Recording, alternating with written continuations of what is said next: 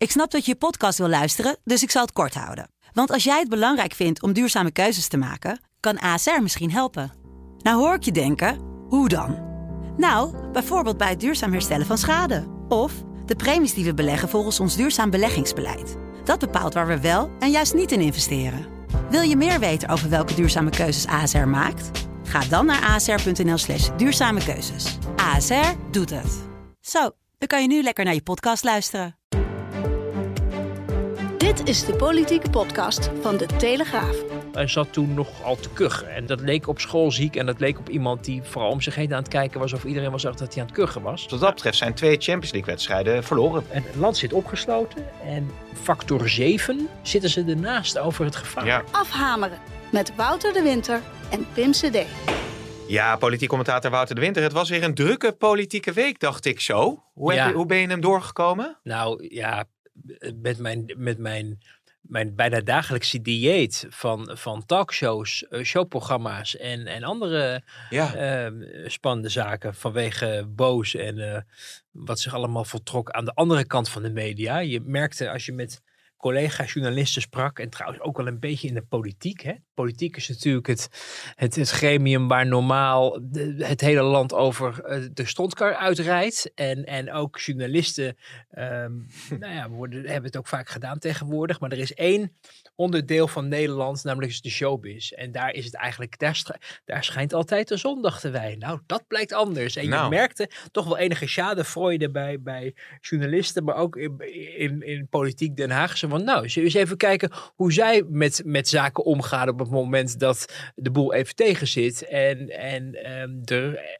over een hele serieuze situatie. Zeker, Laten we dat ja. zeker niet bagatelliseren. Maar als je ziet dat, dat mensen die zich onaantastbaar wanen ineens ehm, nou ja, behoorlijk in de beklaagde bank zitten. Mm. En hoe er wordt omgegaan, ook, met, ook omdat het natuurlijk een hele gro- heel groot machtig mediabedrijf betreft. Hoe daar met, met deze, deze storm wordt omgegaan. Ja. En eh, nou ja, dat, dat, dat etterde nog door, zelfs tot in het debat over corona eh, gisteren. Waarin nou ja, deelnemers toch ook wel heel erg bezig waren met wat zich intussen op YouTube aan het. ehm, dat spraken ze niet uit, maar dat merkte ik in mijn contact met die mensen. Dat eh, ja, iedereen toch met de schuine oog wel even in de gaten aan het Ja. houden was wat daar allemaal gezegd En werd. had je volgens mij al 7 miljoen eh, views eh, binnen eh Ja. ettelijke En, uren. en, en ik dus gewoon echt da- dag in dag uit begon het, het, het, het, het, het, het televisiediner om zes uur. En dat ging dan door Ja. tot, tot elf, Ja. twaalf uur Ja. met hetzelfde onderwerp. Maar ja, ik viel zo rond een uur of negen, half tien in slaap. Want Echt waar? Ja, ja, dat, ja want, want ja, soms moest ik weer vroeg uit. Of zo, maar, oké, ook- ja. maar je wordt ook moe van al die emoties. Ja, Ik, ik heb daar trouwens helemaal niet meer met jou over gesproken, maar we kunnen dat gewoon live in deze podcast eh, doornemen. Ik, we stonden op een gegeven moment natuurlijk op die dinsdag. Eh, was het trouwens een heel gedoe, want eh, Rutte kwam dan uit het eh, restaurant. En die kwam, dat is voor de, voor de luisteraars wel aardig, via een soort schacht kun je het, de Tweede Kamer in, zonder dat je de journalisten te woord staat. Hè? Ja, noem het een liftschacht, of hoe zou je Ja. dat omschrijven? Maar je hebt aan de Ja. ene kant heb je, heb je het, het, het kamerrestaurant, waar ze nog even een kopje koffie drinken. Dan staat het hele journaaien staat bij de patatbalie, zoals het dan vroeger heette. En dan heb je een soort tussengangetje.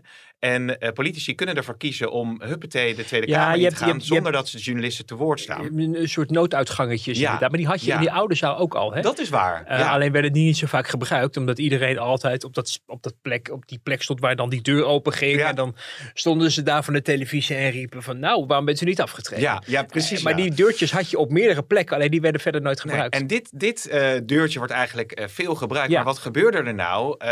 Nieuwsuur, NOS, Jair, eh, ikzelf. Iedereen wilde Rutte een uitspraak eh, ontlokken. En iedereen had zo zijn eigen thema's. Dus iedereen ging in dat middenstukje staan. Mhm. Totdat uiteindelijk eh voorlichting erbij kwam en zegt... ja, daar mogen jullie dus niet staan. Oh. Want jullie belemmeren de doorgang van andere politici.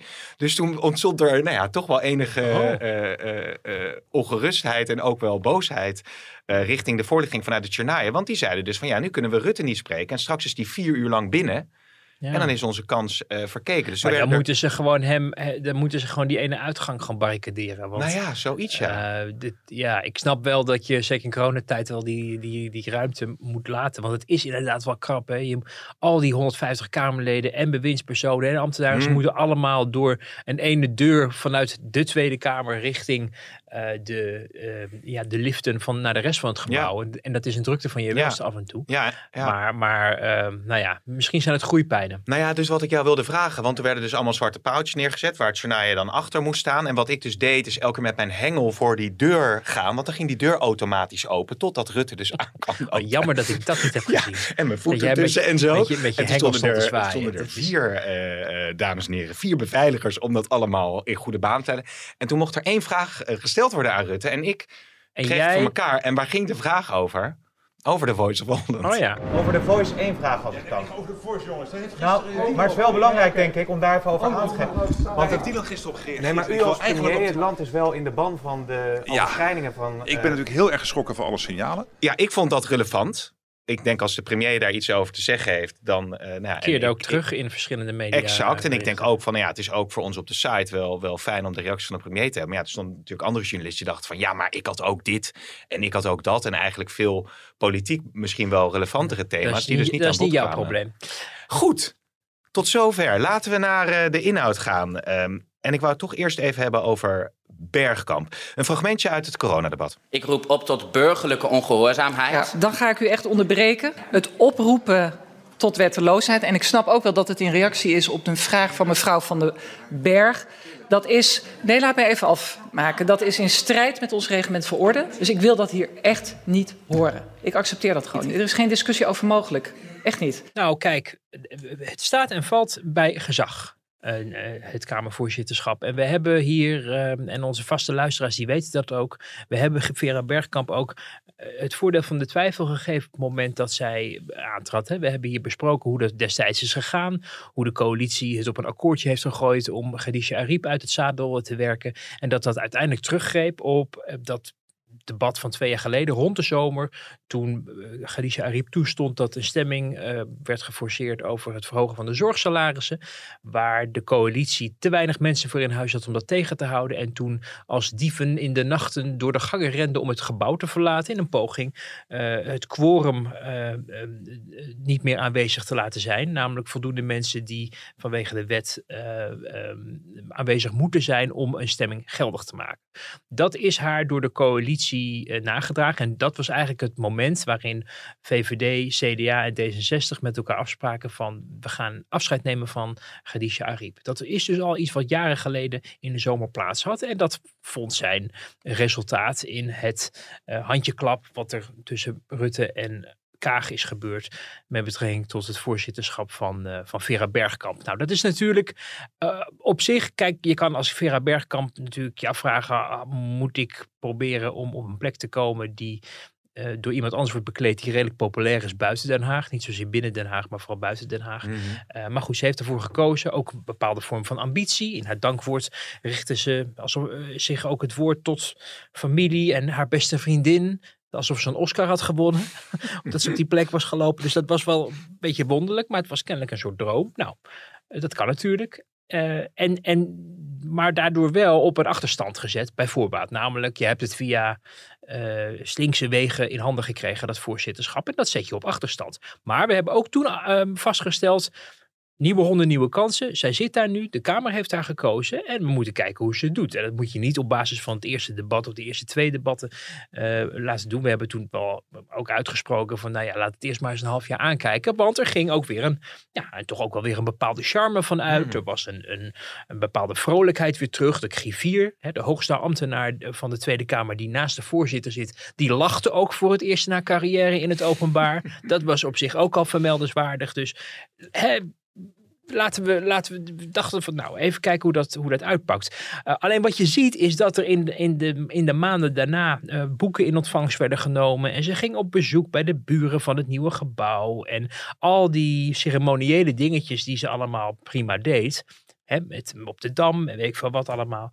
Maar um, uiteindelijk gaat het natuurlijk om de core business. Namelijk uh, het voorzitten uh, van de Tweede Kamer, van de vergaderingen en dat ook met gezag doen. En daarbij komt ook nog uh, hè, op het moment dat je gezag nodig is om uit te oefenen, als er bijvoorbeeld een drankroddel ontstaat, over de informateur die de Tweede Kamer zelf heeft gevraagd het werk op te knappen, dan zou je eh, naar voren kunnen lopen en onmiddellijk zeggen onacceptabel en ik, Mm. dit, dit is, kan ik. Dit, dat gebeurde uiteindelijk wel, maar ook met enige vertraging, desgevraagd. Maar dat zijn de momenten waarop je je gezag kan opbouwen. Eh, net als je dat gezag kan opbouwen op het moment dat je laat zien dat je niet een zendbaas bent van de coalitie, maar iets doet en besluit wat tegen de zin is van de coalitie. Dan bouw je krediet op, dan bouw je gezag op, ook bij de oppositiepartijen die haar nu de maat nemen en het haar nu moeilijk maken. Wilders, Forum voor Democratie. Eh, en dat is uitgebleven. En nu zie je dus op het moment dat het om gaat spannen en er provocaties zijn vanuit de PVV, eh, maar ook vanuit Forum voor Democratie, dat het schipper is geblazen. En het fragment wat we net hoorden was eentje die dus eh, donderdag plaats had, waarna ze dus de hele, ja, toch drie dagen kritiek heeft mogen incasseren. Ja. En ehm, eh, heel duidelijk nu, ik accepteer het niet, er is geen discussie Ja. mogelijk, dus probeert er nu al wat aan te doen. Alleen ja, ehm, iedereen weet waarom nu deze toon wordt aangeslagen. Dus kan je zeggen, nou is toch goed dat ze Hmm. het laat merken. Aan de andere kant, je zou hopen dat je voldoende gezag hebt dat mensen met een blik eigenlijk al weten dat het Ja, belletjes is Ja, geweest. want uiteindelijk gaat het eh, om de Champions League eh, wedstrijden. Als je bijvoorbeeld een voetballer van Ajax bent en als je Kamervoorzitter bent, dan gaat het uiteindelijk om de belangrijke debatten. En deze week zijn er twee belangrijke debatten geweest waar iedereen al heel lang naar uitkeek. Het eerste debat over eh, het regeerakkoord, nou dat liep meteen eh, uit eh, de hand. Ja. En het andere debat waar natuurlijk heel veel spanning op zit in de samenleving, namelijk het coronadebat, dat, Ja. dat liep dus ook uit de hand. Dus wat dat betreft zijn twee Champions League wedstrijden verloren. En het, nou, het, het, het belangrijke is dat je als, als dat je hem goed moet realiseren dat het uiteindelijk de fractievoorzitters zijn die over jouw lol, eh, over jouw lot beschikken. En ook over jouw lol. Of je lol in hebt. Ja. Eh, dus die, die, op het moment dat je daar ruzie mee gaat krijgen en op het moment dat die zich gaan uitspreken tegen de manier waarop je acteert, dan gaat het mis. Dat zag je rond Anoushka van Miltenburg een paar jaar geleden gebeuren. Natuurlijk, hè, met, eh, met, eh, toen Sibrand Buma zei en twijfelde aan haar objectiviteit. En daar was ze toen helemaal van ontdaan. Toen viel iets half huilend de zaal. Eh, maar dan dus merk je dat het misgaat. Ja. En dan merk je dat je gezag tanende is of niet non-existent is. Maar dan moet je ook voor je, voor je positie vrezen. Hmm. En dat zag je dus deze week ook gebeuren toen de ene naar de andere fractievoorzitter boos werd op haar. omdat zij dingen toestond die, waarvan een aantal fractievoorzitters zeiden eh, dat ze dat niet toe had moeten Ja, staan. ja. Hier, hier speelt nog iets anders bij. Namelijk dat Ver- Vera Bergkamp zelf, naar aanleiding van eerdere commotie en omgangsvormen in de Kamer met tribunalen, één op één gesprekken is gestart met fractievoorzitters. Die zijn nog niet allemaal geweest, maar een aantal wel. En in die gesprekken, zo is mij verteld, is heel nadrukkelijk ook steun uitgesproken vanuit een aantal fractievoorzitters om hard in te grijpen op het moment dat di- Ja. dit soort incidenten zich voordoen. Dus wat zien die fractievoorzitters nou gebeuren op het moment dat het uit de hand loopt? Dat ze niet ingrijpt. Ja. En dat maakte boos. En daardoor zag je die fractievoorzitters Ja. openlijk eh, ja, haar, haar, haar functioneren aan de orde Want stellen. ik vind die voetbalmetafoor eigenlijk best goed gevonden, zeg ik van mezelf. Want omzicht had het ook over de scheidsrechter Ja. die foei zegt. Ja. Hè? In plaats van eh, daadwerkelijk hard ingrijpt en gewoon die rode kaart eh, uitdeelt. Dus op het moment dat u vindt dat iets kan, kan het. Kunnen we wat van vinden, dan kan het. Als u vindt dat het niet kan, dan kan het niet. Maar als een scheidsrechter bij het voetbalspel constant zegt: foei, foei, u mag niet op de enkels trappen, maar niet ingrijpt met gele en rode kaarten, gebeurt er niets. Dat is wat u aan het doen bent. Daar heeft hij natuurlijk ook een punt. Je kan wel blijven waarschuwen, maar op een gegeven moment, wie niet, wie niet horen wil, eh, moet voelen. De keerzijde daarvan is wel dat je daarmee wel als voorzitter treedt in iets wat tot nu toe redelijk ja, omheen is gedanst de afgelopen jaren, decennia. Namelijk ehm, Kamerleden het woord ontnemen op basis van wat ze zeggen. Ja. En er zijn in het verleden natuurlijk vaker confrontaties geweest tussen voorzitter en Kamerleden of tussen Kamerleden onderling die beladen waren. Bijvoorbeeld rond de centrumdemocraten eh, hè, van Hans Janma destijds. Toen liepen mensen de zaal uit. Eh, er is ook door een oud voorzitter, eh, toenmalig voorzitter Dick Dolman besloten om niet meer de moties voor te lezen als voorzitter, maar dat de Kamerleden zelf te laten doen. Waarom? Omdat je anders min of meer ja, werd vereenzelvigd met de inhoud van moties waar je als Hmm. politicus, ook als Tweede Kamerlid, want de voorzitter is een Tweede Kamerlid, je niet mee wilde vereenzelvigen. Dus er zijn al in het verleden vaker dit soort confrontaties geweest, maar er is altijd op een, een of andere manier omheen gewerkt en, en uiteindelijk ook wel via gezagsrelaties eh, voor elkaar gekregen dat iedereen zich eh, wel enigszins gedroeg. Als Ja. Fleur Agema tekeer ging eh, in een debat en de toenmalig voorzitter vond dat af en toe de, per, de, de, de spuigaten uitvliegen, dan belde die toenmalig voorzitter op met Geert Wilders en zei... eh, Geert, kan je even met Fleur praten? Want eh, hè, dit is een beetje te veel van het Mm. goede. En dan eh, zei Geert, begrijp ik, over nou dan, ik zal wel even praten met of zo. Ja. Dus, dus er zijn allerlei mogelijkheden om te zorgen dat de orde wordt bewaakt. Niet per se plenair voor iedereen zichtbaar. Eh, maar uiteindelijk, ja, als het hele land meekijkt, in deze tijd waarin de emoties zo hoog oplopen, ook in de samenleving, en je laat het dan zitten, ja, Ja. Dat, dat is wel pijnlijk. En wat uiteindelijk ook het beeld is dat eh, beklijft, is dat eh, wat je er verder ook van vindt, hè, maar dat eh, Wilders in het eerste deel van het debat over het regeerakkoord het podium uiteindelijk wel heel erg kon krijgen, doordat het niet strak in de hand werd gehouden. En je ziet ook bij dat coronadebat, ik, ik had een, een, een fragmentje gedeeld op, op Twitter wat gretig werd gedeeld omdat eh, Gideon van Meijeren in de beeldvorming, die stond naast Bergkamp. Terwijl de andere eh, eh, fractievoorzitters, ja, zonder dat je het geluid kon horen, daar naartoe kwamen van wat is hier allemaal aan de hand. En volgens mij was dat dan ook weer koren op de molen van de mensen die misschien weer het eens zijn met hoe Gideon van Meijeren erin staat. Nou, er, er waren zelfs mensen die zeiden dit, dat het heel erg ongepast was om vlak achter de voorzitter, Ja. dat Van mij daar bleef staan. Dat het een soort, ja, wat was het, een ruzieachtig gesprek was of zo. Wat het decorum en de autoriteit van de voorzitter eigenlijk alleen nog maar verder. Ja. Eh, Want het werd een soort café-setting Ja. waar ook, ook allerlei andere Kamerleden de ruimte kregen om, en dat zag je ook, dat werd ook heel mooi in beeld gebracht door de regisseur van, eh, eh, ik geloof van de NOS eh, die daar, die daar zit, of van het productiebedrijf, die dan ook al die Kamerleden in beeld Ja. bracht, die elkaar de maat aan het nemen waren over wat er wel en niet gezegd mocht worden, buiten de microfoon op, want de vergadering was op dat moment geschorst. En dan zie je overigens ook de partijpolitieke lijnen, scheidslijnen. Hè. Je ziet toch Ja 21 en het PVV en Van Haga en, en, en Wilders. Caroline van der Plas. En misschien. Caroline van der Plas aan één kant en, en, en de eh, CDA, D66, VVD toch aan de andere kant staan. Om te met elkaar discussiëren van wat nou wel en niet betamelijk Mm. is.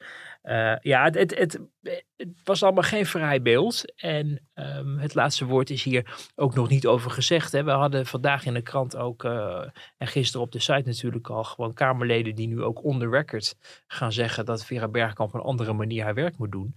En ehm, ja, je ziet haar, ze zit ook in een hele lastige positie hoor. Want als er hooliganisme in de Tweede Kamer plaatsvindt, wat door Wilders gebeurt, maar ook door bijvoorbeeld eh, de leden van de FVD-fractie, dan is het Ja. bijna altijd fout wat je doet. Ja. Alleen eh, wat natuurlijk als paal boven water moet staan, is dat Kamerleden wel in principe vrij moeten kunnen spreken. En een glijdende schaal Hmm. die je van nu vanuit de PVV hoort. Hè. Agema heeft daar wat over gezegd. Van ja, ik ben het niet eens met wat meneer Van Meijeren zegt. Maar op het moment dat we daar waardeoordelen aan gaan verbinden en hem de mond gaan snoeren. Dan is het de volgende keer Ja. iets wat ik zeg wat, Ja. wat, wat niet gepruimd wordt. En Nee. daar kan je je ook wel weer wat bij voorstellen. Dus je moet eigenlijk voorkomen dat het daarop uitdraait.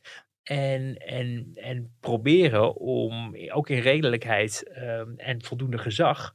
En dan is het startpunt voor Bergkamp gewoon erg ongelukkig. Ehm, maar op een of andere manier toch proberen om eh, er geen misverstand over te laten bestaan. Wat we wel en niet normaal vinden in standsvergaderzaal. Ja, ja. Overigens het oproepen tot burgerlijke ongehoorzaamheid en het, eh, het opsporen en, en berechten van eh, mensen die misdaden hebben begaan voor ons land. Dat, dat is natuurlijk de retoriek die Forum eh, vaker heeft eh, gehanteerd. Ja. Het is een, het is een, ja, het, je, je- het keert telkens terug. We hebben het hier eerder ook wel uitgezonden ook. Ehm, sta jij daar nog van? Ja, ik, ik was eigenlijk op zoek naar de imitatie van Gideon van Jij Meijeren. wilde zo graag hem nog een keer horen. Ja, Ja. maar ja, dat, dat, dat, sta, hoe, sta, hoe kijk jij daar, eh, daarnaar? Want blijkbaar is, er wordt toch in geslaagd om weer opschudding eh, te veroorzaken. Nou, dat is inderdaad gelukt. En bijvoorbeeld bij Wilders merk je dat hij daar ook genoegen in schept. Hè? Dat eh, iedereen eh, bij die interruptiemicrofoon Ja. staat om hem aan te vallen. Ik- waardoor hij urenlang in de ik, spotlight ik staat. moest ook wel, wel lachen dat eh, Laurens Dassen van Volt op een gegeven moment ook de interruptiemicrofoon eh opeiste. Al meer dan twintig jaar lang kiest de heer Wilders ervoor om angst te zaaien. En we hebben zojuist al gehoord wat alle collega's daarvan vinden. Maar ik wil daar nog aan toevoegen, voorzitter. Dat de heer Wilders daarmee ook bewust kiest om al twintig jaar lang zijn kiezers in de kou te laten staan. Nou, u heeft uw plasje ook gedaan, dus kunt u fijn weer gaan zitten. Voorzitter. Um... Ja, hier, hier, hier ja, is ja, maar hij geniet ervan, want dit, dit geeft hem veel meer exposure dan de, de acht minuten die hij normaal het woord zou voeren als niemand op hem zou reageren. Hè, maar het is natuurlijk een heel lange worsteling van ja, ga je tegenspreken of niet? Er is ook een politiek belang bij sommige partijen. D66 PVV of D66 Vorm voor Democratie. Twee kemphanen die, die, die tegen elkaar tekeer gaan, kan electoraal voordeel opleveren, omdat ze bij eh, bij, bij Forum of bij PVV achterban het idee krijgen van ha, die verschrikkelijke mensen van D66 worden aangepakt. En bij D66 achterban wordt gedacht, ah, er is tenminste iemand die serieus antwoord en tegenwicht biedt aan datgene wat mm. uit die hoek allemaal klinkt. Dus, dus dat is ook, je zag het ook, ook echt gebeuren dat Jan Paternotte al naar het naar de interruptiemicrofoon liep voordat Wilders nog één woord had uitgesproken. Eigenlijk precies kopierend datgene wat Wilders jarenlang in debatten heeft gedaan richting andere fractievoorzitters en richting de premier. Dus je zag Wilders ook lachen, want die dacht, oh, ja, nu word ik met gelijke munt, munt terugbetaald. En dat ging dan ook weer heel fel. En op een gegeven moment wilde hij dan een motie van wantrouwen indienen tegen het kabinet in de eerste termijn. Nou, daar moet je toestemming voor krijgen van de rest van, van de Kamer. En toen liep, uh, dat stelde Wilders dus voor. En toen liep Paternotte naar, het, naar de interruptiemicrofoon. Dan zegt hij alleen maar steun als de motie van wantrouwen tegen zichzelf is. Maar ja. Wilders weer oprecht op moest lachen. Omdat hij, kijk, Wilders houdt van dat politieke debat. En, en die politieke strijd. En het maakt hem eigenlijk allemaal niet uit wat er gezegd wordt. Als er maar rumoer en ophef is. Waardoor zijn achterban in de gaten heeft dat er uh, wordt gevochten voor uh, die kiezers. Ook omdat er momenteel natuurlijk heel veel concurrentie is uh, op die flank. Ja, um, overigens nog heel even tot slot over Bergkamp. Um, Anoushka van Miltenburg, die, die had het echt heel moeilijk. Zichtbaar als Kamervoorzitter was al vrij snel volgens mij duidelijk dat dat, dat een moeilijk verhaal ging worden. Als ik Vera Bergkamp uh, uh, zie rondlopen en ook wel de, de energie waarin ze probeert het goed te doen, kan ze dat, het dan wellicht nog uh, terugwinnen, dat gezag, en uitgroeien tot een gewaardeerde Kamervoorzitter? Oh, ik denk, het is, het is nog niet te laat. Uh, het is misschien ook een beetje vroeg om het finale oordeel nu al te vellen. Maar er is wel werk aan de winkel. Ja. En ze staat op achterstand, zo gezegd. Overigens, Anoushka van Miltenburg bleek ook heel vaak vrolijk uh, do door het pand wandelen hoor. Op het moment dat ze onder vuur lag. Uh, want het was een charmante, of het is een charmante vrouw. Ze is gelukkig uh, gewoon nog onder ons. Uh, en, en, en ze had ook, was ook jarenlang Kamerlid. Ja. En toen was er eigenlijk niemand die echt over haar klaagde. Alleen voorzitterschap is, is iets anders. Ik denk dat Bergkamp dat in principe ook al kan. Maar je, je, zij zal moeten werken aan, aan op, zij zal op meerdere borden moeten schaken. Ze zal een modus moeten vinden waarop ze in de Tweede Kamer de orde bewaakt. En ook voldoende steun merkt van eigenlijk misschien niet alle Kamerleden, maar een flink deel van de Kamer, van links tot rechts, waarin je merkt dat mensen vertrouwen hebben in haar aanpak. En ze zal af en toe uh, ook proactiever moeten opereren als het gaat om het verdedigen van de belangen van de Kamer. Uh, het misschien wat meer afstand nemen van de coalitie en haar eigen partij. Ik denk dat ja. je al een heleboel punten scoort. Ja, het moet natuurlijk geen doel, doel, op zich worden, maar zo werkt het uiteindelijk wel als je een soevereine Kamervoorzitter wil zijn, zoals bijvoorbeeld uh, Khadija Ariep was. Ja. Dat je af en toe ook je eigen partij eventjes do door de mangel haalt. dat is nogmaals geen doel op zich, maar daarmee kan je vertrouwen en gezag opbouwen. Ook bij de mensen nu die ja. denken, je bent een zetbaas. Ik hoop dat ze luistert. Gratis tips van uh, nou, Wouter de, Winter in de podcast uh, afhameren. Ik weet dat... Uh, we ook bij D66 goed beluisterd worden. Ja, inderdaad, inderdaad. Um, als we het dan hebben over het uh, debat over het GEA-akkoord. Um, het was ook het debat waarin uh, Jan Paternotte zijn uh, debuut maakte. Waarin Sofie Hermans zich natuurlijk weer kon uh, laten zien. Ik weet dat jij niet bent van de rapportcijfers en de, en de voldoendes en de onvoldoendes. Maar, maar is er iets wel wat jou heel erg opviel? Het was misschien ook de kans voor bepaalde linkse oppositiepartijen om zich ook stevig te manifesteren? Um, ja, ja, het is toch een beetje net als met de algemene beschouwingen. Uh, zeker zo'n eerste dag. Kijk je, waar staat iedereen politiek? Hè? Waar is geleerd? Waar is een, wordt een andere aanpak um, getoond? Wie is overtuigend in het debat? Wie zet de premier klem of collega fractievoorzitters klem? Sofie Hermans is denk ik iemand die, die, die veel opviel omdat ze aan het begin van het debat zat. Waardoor ja, ik geloof dat ze tot half zes of zo hadden het Ach, het duurde was. zo lang. Het duurde eeuwen. En, en een heleboel mensen hebben daardoor een stuk minder zichtbaar, ook in filmpjes, ja. maar ook, ook gewoon in kranten, veel minder aan het woord gezien. Omdat het gewoon allemaal heel erg laat was. En ik heb even een hotelletje kunnen boeken voor uh, voor de komende vakantie. Omdat het zo lang duurde dat en toch ook wel een beetje saai was op dat moment. Zeg. Ja, ja, ja. Nou ja deze, deze eerlijkheid. eh, Nou, die wordt wel gewaardeerd. Niemand toch? op de redactie doet dat verder. Nee, nee, maar- iedereen, van, iedereen zit braaf te luisteren. Nee, maar het, het, kijk, ja, ik, ik, ik vond. eh, kijk, Hermans heeft natuurlijk niet eenvoudig, want die krijgt gelijk alle vragen. Ze kon niet eens zijn eigen verhaal houden, want iedereen was alleen Hmm. maar aan het bevragen en interrumperen. En dan is het schaken. En dan is het de- inderdaad in de eredivisie, in de vijfde versnelling, eh, opletten en je niet in de val laten lokken. En dat is ook iets wat niet heel eenvoudig is. Dus dat even gezegd hebben, vond ik haar wel een beetje kort aangebonden. eh, dat ik dacht, die hoorde, misschien hebben we nog daar ook een, eh, een fragment van. Ga over de koopkracht eh Ja, bedoel je. Laten we even luisteren. Het akkoord wat deze coalitie heeft gepresenteerd, eh, half december. Daarin zaten de inkomenseffecten, de koopkrachtplaatjes, om het technische woord eh, te gebruiken, hoe dat, hoe dat uitpakte. En daar zat voor iedereen een, eh, een plus in. De ene plus hoger, groter dan de ander. Dat geef ik ook direct toe. Ja. Ja, dit gaat dan over de koopkracht. Ik zal even zo ingaan op wat ze nou precies zegt. Maar ik vond er. eh, eh, het mag nog wel iets, iets losser en wat vrolijker. Hmm. En, en, en eh, nou ja. Iets meer zoals Rutte zou je bijna kunnen Ja, zeggen, of maar niet? ja, nee, Rutte, maar ook veel andere mensen in het verleden. Die Moet je ook ontwikkelen misschien, toch? Ook ja, maar ook bedoel, kijk naar Dijkhoff met een hele grote dosis ironie. Buma met, met, met, met een, een kwinkslag. Eh, nou, er zijn een heleboel voorbeelden, ook uit de recente geschiedenis. Pechtold bijvoorbeeld ook. Om het misschien toch even iets soepeler Ja. en ontspannender te doen en nog steeds je punt te maken. Maar goed, Hè, dus ze zitten nog niet zo lang, dus mm, het is te vroeg om, om, om, om daar een finale oordeel over te geven. Maar goed, zij was wel, ze is heel erg in de picture. Ze is denk ik nu de eerste in lijn op de troonopvolging, laten we wel wezen. Want als Rutte eh, op dit moment zou stoppen, dan is het het meest logische dat je kijkt naar de Ja? fractievoorzitter van de VVD. Maar is, is dat ook denk je het meest logische als je eh, in de VVD kijkt? Want als je haar nu op Nou de ja. troon zet, dan zal het misschien Ja, nou ja, ik zie een ze in, avontuur in, worden. In, in, in het kabinet ook niet echt zitten, moet ik je zeggen. Dat is toch een beetje een fletse club geworden uiteindelijk. Voor zover we dat op dit moment kunnen beoordelen. Want we hebben natuurlijk nog niet heel veel van die mensen gezien. Maar Hmm. eh, het is niet iemand dat je denkt van wauw, dat ze die minister hebben gemaakt. Zoals met Kuipers of met, met Dijkgraaf deden. Dus Ja. ene uitzondering nog Dylan Jezielgus. Want die is wel eh, misschien toch een iets andere categorie. In ieder geval qua Uitstraling. ja, eh, en dat is ook belangrijk in de politiek en als politiek leider. Maar goed, dus. Ehm, en dan even over die op, op misschien op die inhoud eh, ingaan. Eh, ja, die koopkracht. Zij gaf nu heel erg duidelijk aan van wij hebben dat in het, eh, aan de coalitietafel. Want dat is het gekke, hè? Ze, ze nemen het kabinet te maat of iets wat ze zelf bedacht hebben. Ja. Dus dat is, die mensen zaten nog helemaal niet in het kabinet. Die krijgen nu de schuld van datgene wat de coalitiepartijen hebben bedacht. Vanwege en- de oplopende inflatie eigenlijk. Precies, ja. Maar, maar goed, eh, het, dat is nu eenmaal de rol die er nu gespeeld moet worden. Eh, en, en zij herinnerde het kabinet aan datgene wat zij zelf heeft afgesproken. Namelijk dat de bedoeling is dat er een plus komt.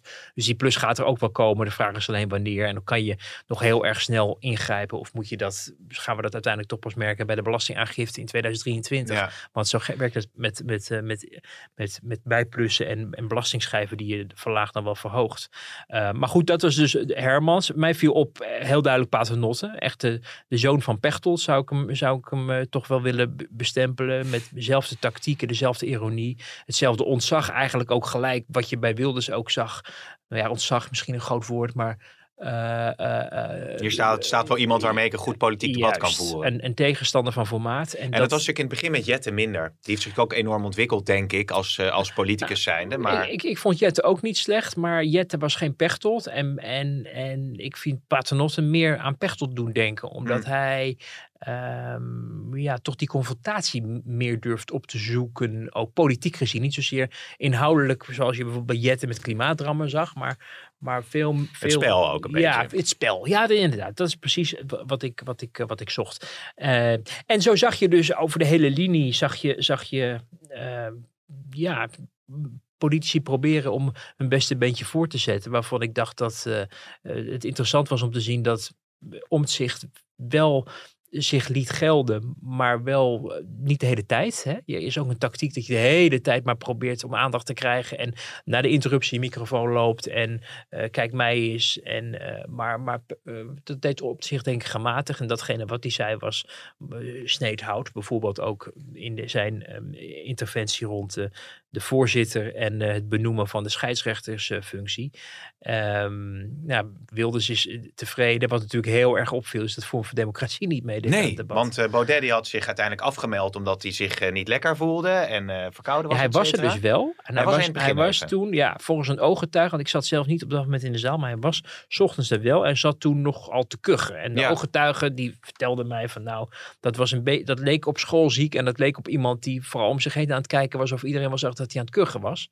Oh, niet. Dat, dat, Echt waar? maar goed, eh, ik weet niet of dat, of dat, hè, dat, dat is, kan pure, keiharde, gemene politieke spin zijn. Maar dan nog is het natuurlijk wel heel eigenaardig dat op het moment dat de fractieleider van Forum voor Democratie wegvalt, dat er dus, en die heeft ook een verhaal voorbereid, mogen we hopen, hè, want hij, hij doet eh, zijn verhalen niet uit het hoofd, wat andere politici wel proberen. Ehm, en dan Geen vervanging. dat er dus geen vervanging is. Ja. Terwijl die wel in het gebouw waren. Want Freek Jansen deed wel de regeling van werkzaamheden. Ja. Dus de agendabespreking. Eh, dan hè, denk je bij jezelf, nou, kennelijk wordt het niet gewaardeerd als iemand anders het woord voert. Of was het niet de bedoeling om het woord te voeren? Of was men bang voor de verwijten die men zou krijgen? Of is er misschien een mogelijkheid dat de populariteit van deze en gene Kamerleden van Forum misschien zo hoog stijgt dat Oh ja. fractieleider dat ook niet Ja. zo'n goed idee Mm. vindt. Ehm, allemaal mogelijkheden, allemaal speculaties, maar het, is, het, het kan natuurlijk niet dat er een debat is over de regeringsverklaring. Er zit een partij in de Kamer met ooit met acht, nu Acht met vijf zetels, ja, zetels. ja. En die dus niet, niets van zich laat horen. Nee, Dat, dat, dat nee. vind ik, eh, hè, als je dan toch met elkaar probeert om het, om het decorum van de volksvertegenwoordiging toch nog enige waarde toe te dichten.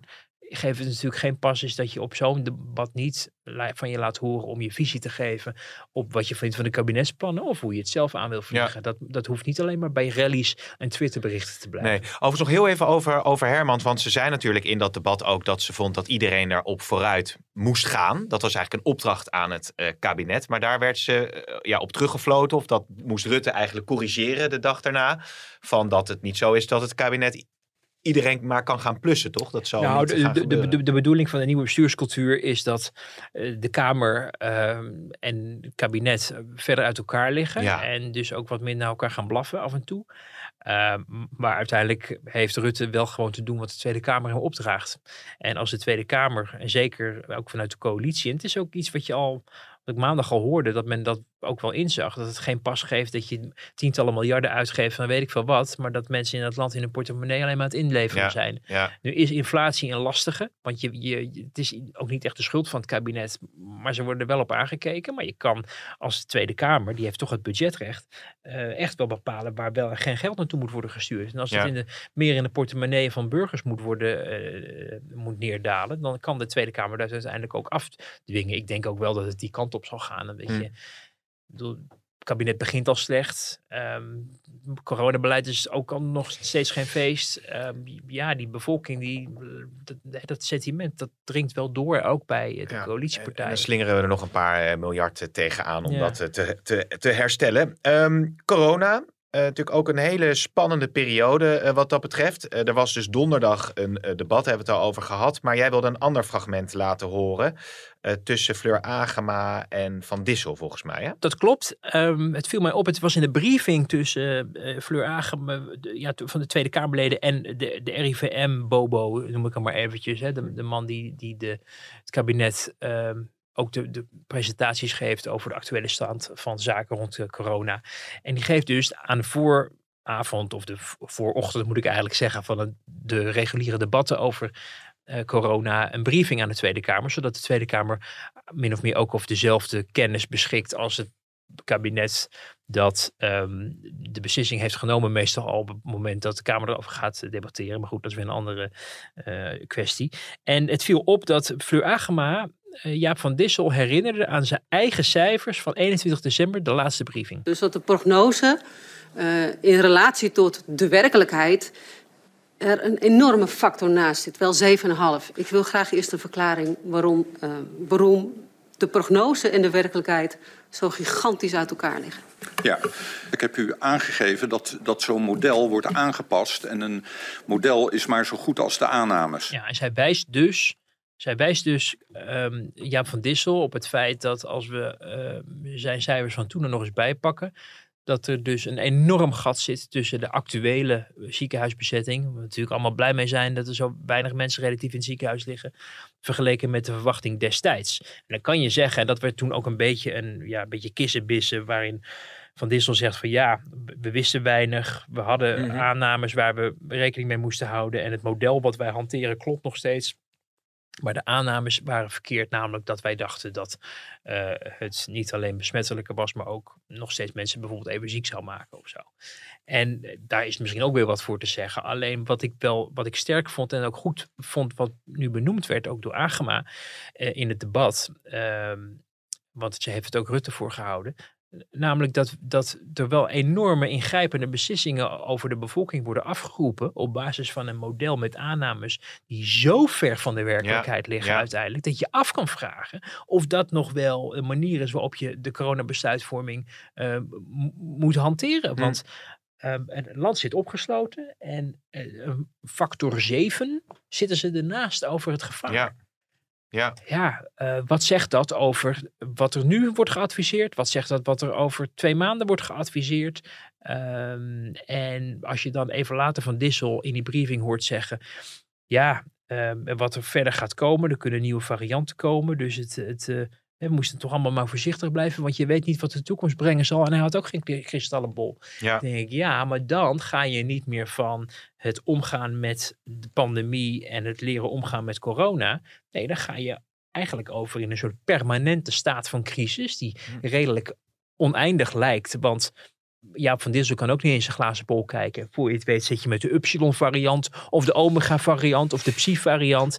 En wat gaan we dan allemaal wel niet Ja. verwachten van de bevolking? En wat betekent dat als je een horecazaak hebt? Gaan we nu uit van een, van een situatie waarin je de helft van het jaar dicht moet zijn, bijvoorbeeld? Weet je, dus leren leven met corona eh, is vanuit het OMT nog steeds vooral kijken van nou, kan van alles gebeuren, dus better Ja. be safe than sorry. En Eh. de vraag is of de bevolking het wel met zo'n koers eens zal blijven. Ik denk dat we het antwoord in die zin al weten, toch? Want als je ziet eh, hoe breed het protest nu eh, aanzwelt. Nou ja, de cultuursector had dan concerten met de kapstoel erbij.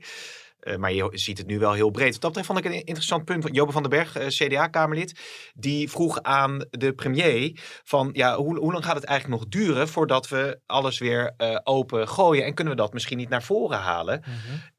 Dat vind ik eigenlijk wel een logische vraag. Want je weet, weet je niet al genoeg om te zeggen van nou, we kunnen dit weekend misschien al wel de horeca open doen. Je moet glimlachen. Nou, ik moet wel glimlachen, omdat we ineens het CDA, de partij van Hugo de Jonge, is is een soort voorvechter zien Ja, van ja, ja. gooi de boel maar open en kunnen we het niet alvast aankondigen.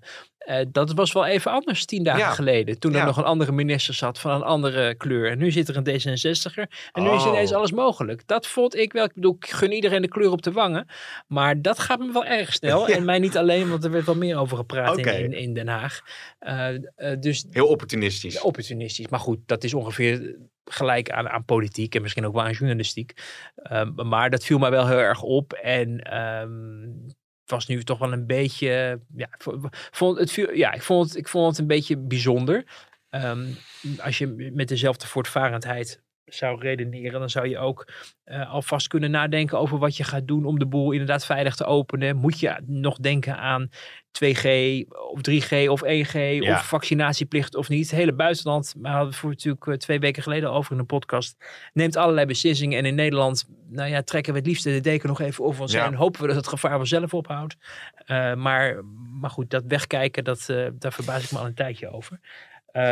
Maar ja, het, het, het, eh, er is wel onrust in de samenleving, uiteraard. Eh, burgemeesters die een, die een brief sturen, daarin eigenlijk herhalen wat ze voor en achter de schermen al maanden aan het roepen zijn. Eh, alleen we zien nog niet veel beweging bij het kabinet, Nee. valt mij op. En je ziet inderdaad Rutte nog steeds op de voorzichtige manier opereren. Ehm, Rutte was sowieso al een van de voorzichtige mensen in het kabinet. Hè. De witte jassen, daar werd hij ook wel toegerekend. Ehm, maar de fundamentele vraag ligt volgens mij besloten in het feit van, ja, als jij inderdaad wil leren leven met corona, de slogan samen krijgen we corona onder controle is al Ja. verdwenen van de persconferenties. Ja. Want dat was niet zo Nee. goed gelukt eh, met, met 30, 40.000 besmettingen. Maar de, de echte fundamentele vraag is van oké, het, het, het, als corona inderdaad onder ons blijft, betekent dat dat wij in permanente staat van opsluiting verkeren? Of gaan wij de Britse route langzamerhand achterna en nemen wij het op de koop toe, wat gevolgen zal hebben voor de ziekenhuizen en voor hersteloperaties en dingen die niet met corona te maken hebben. Uh, maar het, het alternatief is uh, inderdaad uh, geen onderwijs geven, kroegen dicht, uh, sociale leven van mensen verwoesten.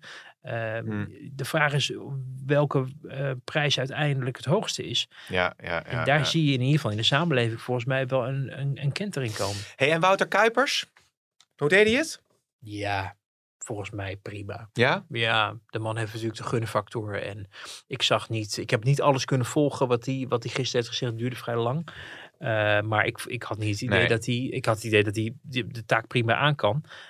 En uh, de, de, ja, de proof of the pudding is in the eating. Van wanneer gaan wij iets merken van dat het op een andere manier gaat als wat hij onder zijn voorganger Ja. deed. De verwachtingen daarover zijn vrij hoog gespannen. Uh, je hoort ook wel dat uh, ambtenaren zeggen ook wel dat hij daar wel duidelijke ideeën over heeft en, en richting aangeeft. Maar tot nu toe, maar goed, de man is tien dagen bezig.